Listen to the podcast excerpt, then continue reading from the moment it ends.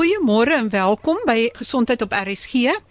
Ek gesels ver oggend oor demensie en wel met dokter Renate Skooman. Sy's 'n psigiater verbonde aan die Suid-Afrikaanse Vereniging van Psigiaters en sy praktiseer ook in Kaapstad of in die Kaapse metropoolgebied.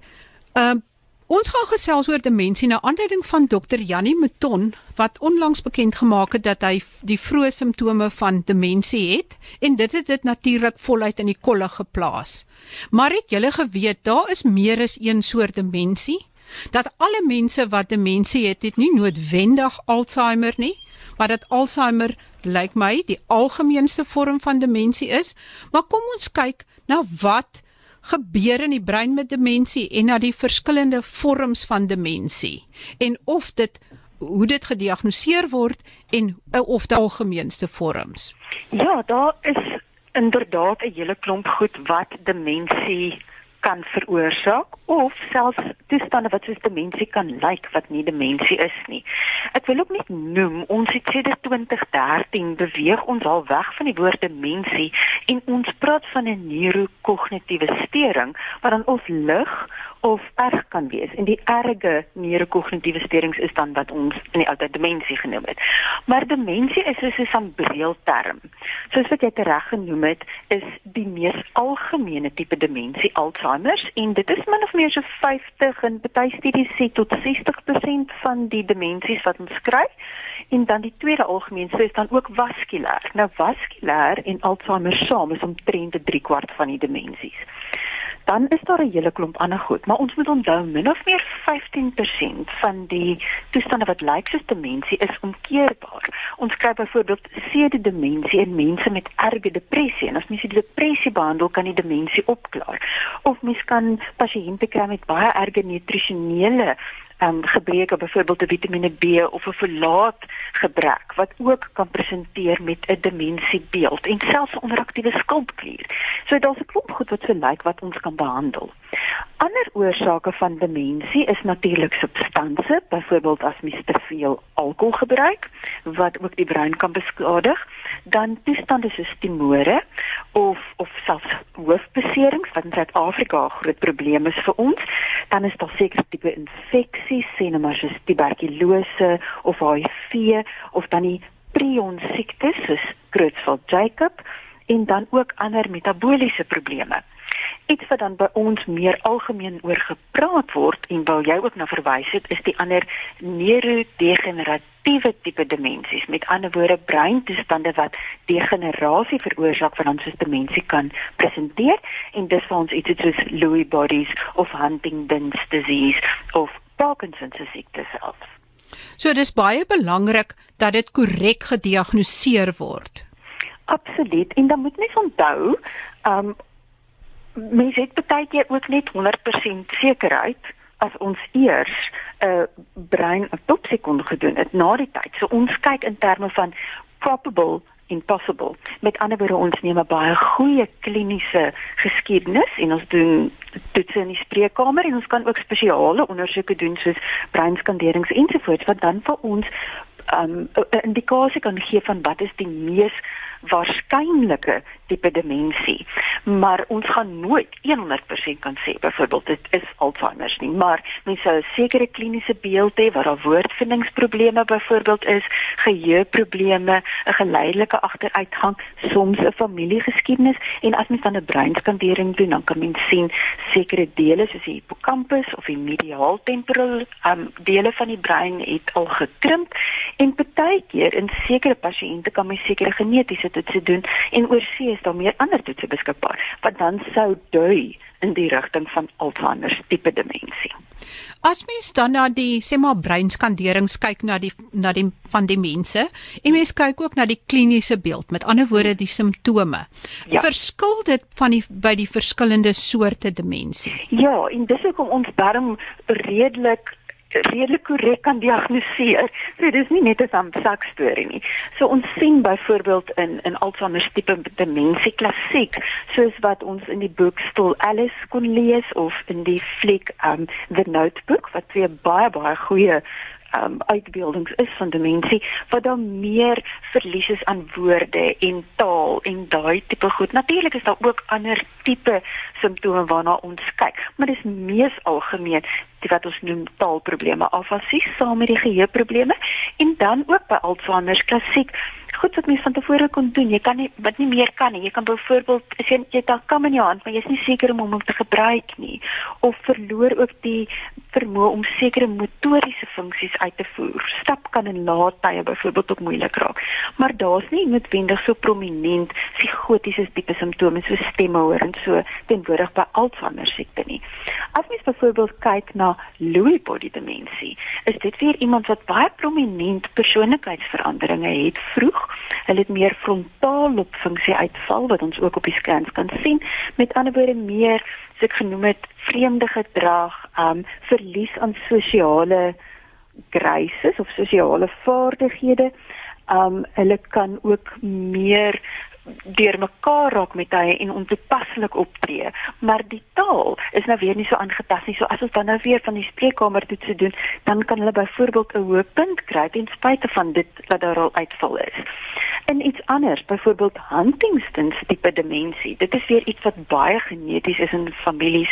sien mens weer klassiek meer motoriese simptome saam met die taal en die geheueprobleme en dan Parkinson demensie wat een van die goed is ons moet eers die motoriese probleme hê van Parkinsons wat mense sal herken as daar's 'n tremor, daar's rigiditeit, daar's 'n klein skuifelgang en um, onvasheid op mense voete, gaan nou weer die geheueprobleme um vooraf en dis eers omtrent 'n jaar of later wat mens geheueprobleme kry, maar dan kan mens ook klassiek visuele hallusinasies kry. Met ander woorde, as jy dink byvoorbeeld daar is kindertjies in die kamer of sien 'n dier op die bank lê of so. Dis gewoonlik nogal interessant dat die pasiënte wat 'n organiese hallusinasie kry, wat hulle goed sien wat nie daar is nie of hoor wat nie daar is nie, byvoorbeeld soos 'n demensie, hulle is nie altyd so ontstel soos iemand wat byvoorbeeld skizofrenie het nie. Dis 'n ander tipe hallusinasie.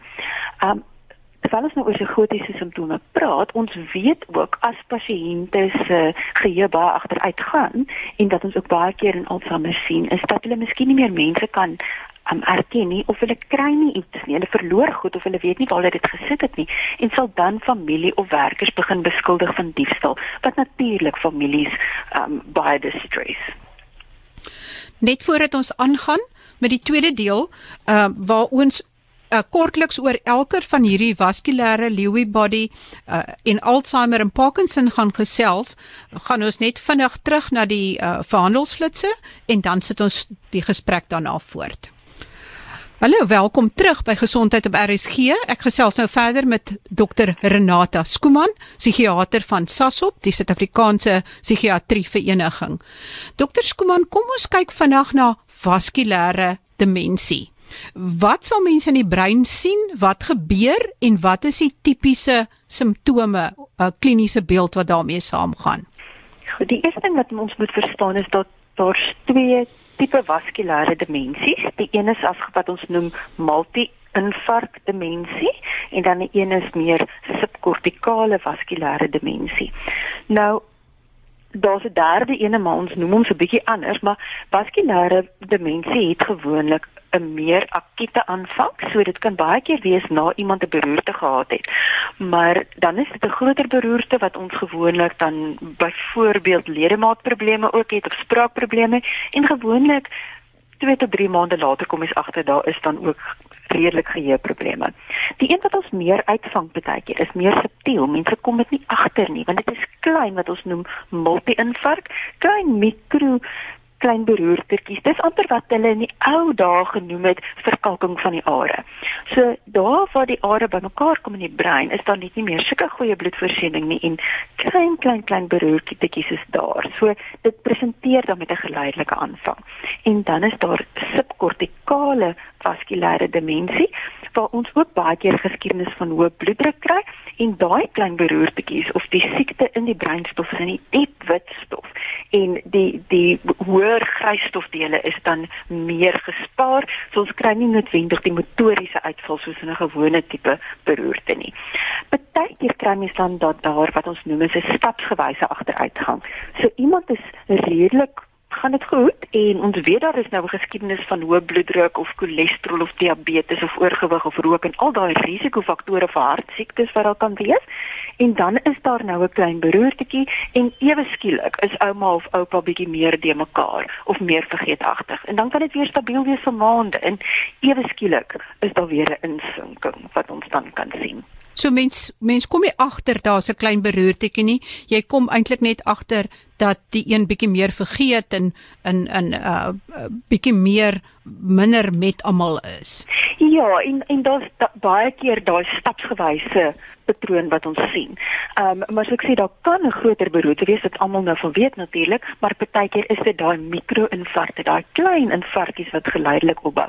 Maar daar sal altyd dan 'n geskiedenis wees van die pasiënt het risikofaktore vir beroertes of vir hartprobleme, soos wat ek reeds genoem het. So a, die enigste manier neem ek aan om dit te behandel is eintlik om dit te voorkom deur die bloeddruk onder beheer te hou en om die aterosklerose te probeer keer dat dit nie verder vorder nie absoluut. Voorkomend is die beste so hou op rook, oefening, verloor gewig, kry die bloeddruk onder beheer, eet gesond en al daai dinge. Goed, dan kom ons by ons kyk na Lewy liggaam. Uh demensie wat dan dikwels ook gepaard gaan met Parkinsons maar wat is 'n Lewy liggaam? OK, 'n Lewy body is 'n abnormale proteïen dingetjie wat vorm in die brein en daar's nou twee skole daar rondom maar daai Lewy body kan hulle dan nou sien histopatologies as mense slides sou neem van die die breinstof kan mens dit klassiek sien dit lyk toe ek het nou nog laas moes kon gesien het gelukkig hoef ek nou nie meer daai tipe goeters te doen nie maar dis amper soos 'n driehoek dingetjie wat mense dan kan sien wat tussen die selletjies en in die selletjies 'n knoop gaan maak. So baie amper soos die knope wat ons kan sien byvoorbeeld soos Alzheimer maar dit is 'n ander tipe proteïen ook. Nou daar was altyd in Alzheimer en in Lewy body die idee van dit is 'n abnormale vorming van al hierdie goed. Maar daar is nou baie interessante nuwe navorsing wat wys dat 'n deel van die probleem is nie net die abnormale produksie van hierdie proteïene wat dan knope maak nie, maar ook 'n abnormale wegvoer van die afvalstowwe. En klassiek wat gebeur is mense wat nie genoeg slaap nie, kan nie hierdie stowwe genoeg wegvoer nie, want daai flushing system van die brein of die glimfatiese stelsel werk nie terwyl ons slaap en hulle vermoed nou dat as ons nie al hierdie stowwe kan wegvoer nie, is dit dan wat daar dan hierdie abnormale opbou is. So mense moet maar hulle 8, 9 ure slaap kry veral as jy ouer is en ook as jy jonger is. Ja, mens moenie so trots wees daarop dat jy met min slaap kan klaarkom nie. So ek neem aan dat as hierso nou sulke proteïenknopies in die brein is, dat dit dan impakteer en 'n invloed het op die uh vloei van senuwee impulse tussen die neurone en goed en dat dit dan eintlik deel van die probleem is. Ja, dit dit is 'n goeie manier om dit te verduidelik, Marie. As ons nog kyk na Lewy bodies, dan van die maniere ons nou dit kan onderskei, is dit Parkinsons met demensie of is dit Lewy body? Is die volgorde waarna dit verskyn? Ons het in Lewy body eers kognitiewe probleme, met ander woorde pasiënte kan ook klassiek fluktueer. Partykeer is hulle by en ander kere lyk hulle meer confused en hulle kan ook dan hierdie visuele hallusinasies sien, die goed wat nie daar is nie. En dan kom die Parkinsonistiese um, kenmerke aan waar in Parkinsons demensie is dit weer eers die motoriese probleme dan die kognitiewe probleme. Een van die ander goed wat ons altyd klinies 'n goeie idee laat kry, hierdie is moontlik Lewy bodies, is dat daar baie keer aan um, slaapsteurings is wat ons noem rapid eye movement sleep behavior disorder. So hulle kan baie de mekaar raak in hulle slaap of acting out in hulle drome en goeie sê. En is dit noodwendig dat mense met Parkinson se siekte sal vorder tot Lewy body uh demensie? Die risiko is groot. niks is absoluut nie. Um dit hang ook af hoe oud mens is en hoe lank mens nog gaan leef. Die die realiteit is as ons almal lank genoeg leef, gaan ons almal 10 teen 1 geheueprobleme kry. Baie van die Parkinsons gaan aan om ook geheueprobleme te kry. Ek kan nie vir jou persentasie daar gee nie. Um maar in terme van wat ons in kliniese praktyk sien, het ons pasiënte ongelukkig wat binne 'n jaar of 2 geheueprobleme ontwikkel, maar ons het ook pasiënte wat jare en jare met Parkinson saamleef en nie die geheueprobleme kry nie. En is daar iets wat mens kan doen? Is daar 'n behandeling? In terme van Parkinsons en Lewy body disease, daar is 'n klomp goed en en van dit is waar vir al die demensies, soos ek nou genoem het met vaskulare is dit voorkomend. Ons het medikasie wat goed wel wat beter werk byvoorbeeld in Alzheimer, is die asetilkolien esterase inhibitors en um, dan is daar ook wat op glutamaat werk. Die wat op glutamaat werk, as daar te veel glutamaat in die brein opbou, dan kan dit ook die neurone verder beskerm. Nou daai middels kan ons dan byvoorbeeld in 'n pasiënt wat Parkinson het met redelike redelike sukses saam met hulle gewone Parkinson medikasie gebruik, juis om verdere skade te voorkom en daar's ook studies dat daai tipe middels dan ook die die vooruitgang van die motoriese simptome van die Parkinson 'n bietjie kan vertraag. Maar ons kan nooit dit heeltemal herstel nie. Ons kan net um die simptome bietjie beter kry en ons kan die die proses probeer vertraag. Met ander woorde, dis nog steeds belangrik dat jy dokter toe gaan en hoor of daar nie iets is wat gedoen kan word nie. Ja. En dan kom uh, ek spring nou oor 'n paartjies, maar kom ons kyk kan ook na Alzheimer, want jy het gesê dit maak 50 tot 60% van alle mense met demensie uit. Hmm. Wat gebeur in Alzheimer? Is dit ook sulke proteïenknope wat vorm in die brein? Ja, wat maar dit is Helena op 'n bietjie 'n ander plek. Hulle lê nie so in die frontaal binne en ons noem dit nou nie Lewy bodies byvoorbeeld nie. Um en dit is 'n ander tipe oordragstowwe wat nou weer meer hier te sprake is. In Alzheimer um is dit wat ons noem taalproteïene, klassiek en ons praat ook van um die amyloïd precursor proteins wat ophoop en hulle vorm dan ook wat ons noem daai neurofibrillêre knope en plakke. Maar soos ek gesê die die die tipe proses is baie dieselfde, maar die tipe proteïen verskil en waar hierdie goed gaan lê verskil. En dan wat is die simptome? Ek bedoel mense dink aan Alzheimer en praat almal van die uh siekte waar jy begin vergeet. Maar dit is meer as net vergeet. Ja, dis altyd meer as net vergeet. Enige demensie het vergeet is een komponent, maar dan is daar ander tipe goed wat saam met dit moet loop. En in Alzheimer spesifiek, ehm um, saam met die geheueprobleme wat ons nou spesifiek sê 'n onvermoë om te leer en te onthou. So ook mense kan nie nuwe inligting meer aanleer nie. Is daar 'n duidelike geleidelike agteruitgang sonder regtige plateau en um, dan is daar baie keer die taalprobleme wat ons sien wat redelik prominent is dan in Alzheimer. Met ander woorde woordvindingsprobleme um, en dan ook wat ek nou nou genoem het byvoorbeeld jy het 'n kam in jou hand maar jy weet nie meer wat om te doen nie of jy het skielik 'n foon in jou hand en jy weet nie hoe om met jou selfoon te werk nie. En dan ook later aan wat ons noem agnosie, met ander woorde kan nie meer mense erken of selfs as jy 'n voorwerp sien, weet jy nie meer wat dit is nie. Byvoorbeeld 'n stetoskoop. Sou jy dalk op 'n stadium nog kon weet dit is iets wat 'n dokter gebruik, maar later dan het jy nie 'n idee wat dit is nie. En dan die vierde ding wat dan met tyd ook aankom, is dan uitvoerende funksies, soos met ander woorde om te beplan, om te kan organiseer en om abstrakte tipe denke te kan verstaan. Met ander woorde om te redeneer, uh, goeie besluite te neem ja. ensovoorts. Maar hoe weet mens uh, o ja die ander ding wat ek wou gevra het is sommige mense is baie gedisoriënteerd as hulle by 'n ander plek kom dat hulle nie noodwendig weet waar hulle is of hoe om weer terug te kom by hulle huis of in hulle kamer nie. Mm. So goed, so baie mense het net nie 'n goeie sense of direction nie, nee, maar ons praat nou hier spesifiek van 'n verandering van voorheen. So as ons nou weer teruggaan na die die sambreel van demensie, so, geheueprobleme is net een ding. Maar ons kyk byvoorbeeld na um aandag en konsentrasie en processing speed, so vinnig kan ons dink. Ons kyk na hierdie beplanning of die uitvoerende funksies waarvan ons gepraat het. Ons praat van taal en daar wat jy nou verwys na is perseptuele motoriese funksies.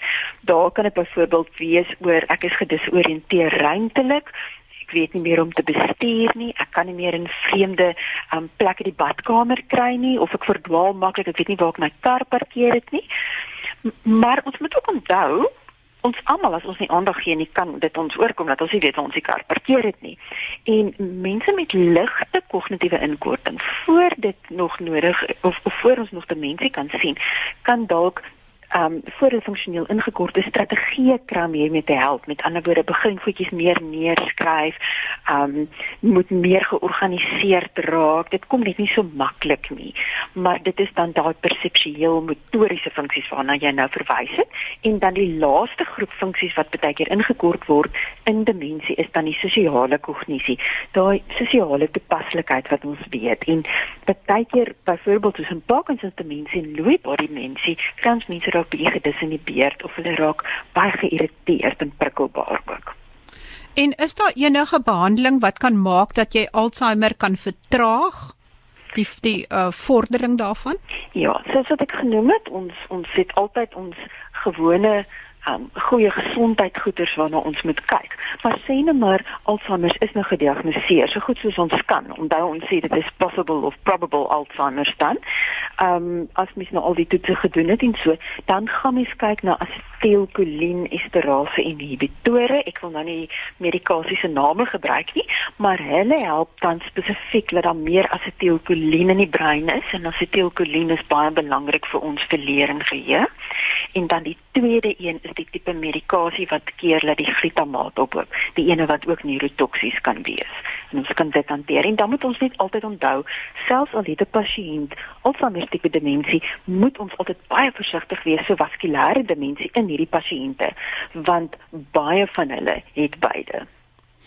Goed, baie baie dankie dokter Skuman. Dit was 'n oorsig oor die verskillende soorte demensies en ek sal met dokter Skuman reël dat ons uh, binnekort weer gesels en dan miskien bietjie dieper indrul in Alzheimer se siekte. Groot plesier. Baie dankie dokter Skuman. Uh luister gerus volgende week weer na gesondheidsake, dan is ek terug met nog interessante en nuwe inligting. Tot volgende week dan. Totsiens van my Marie Hudson.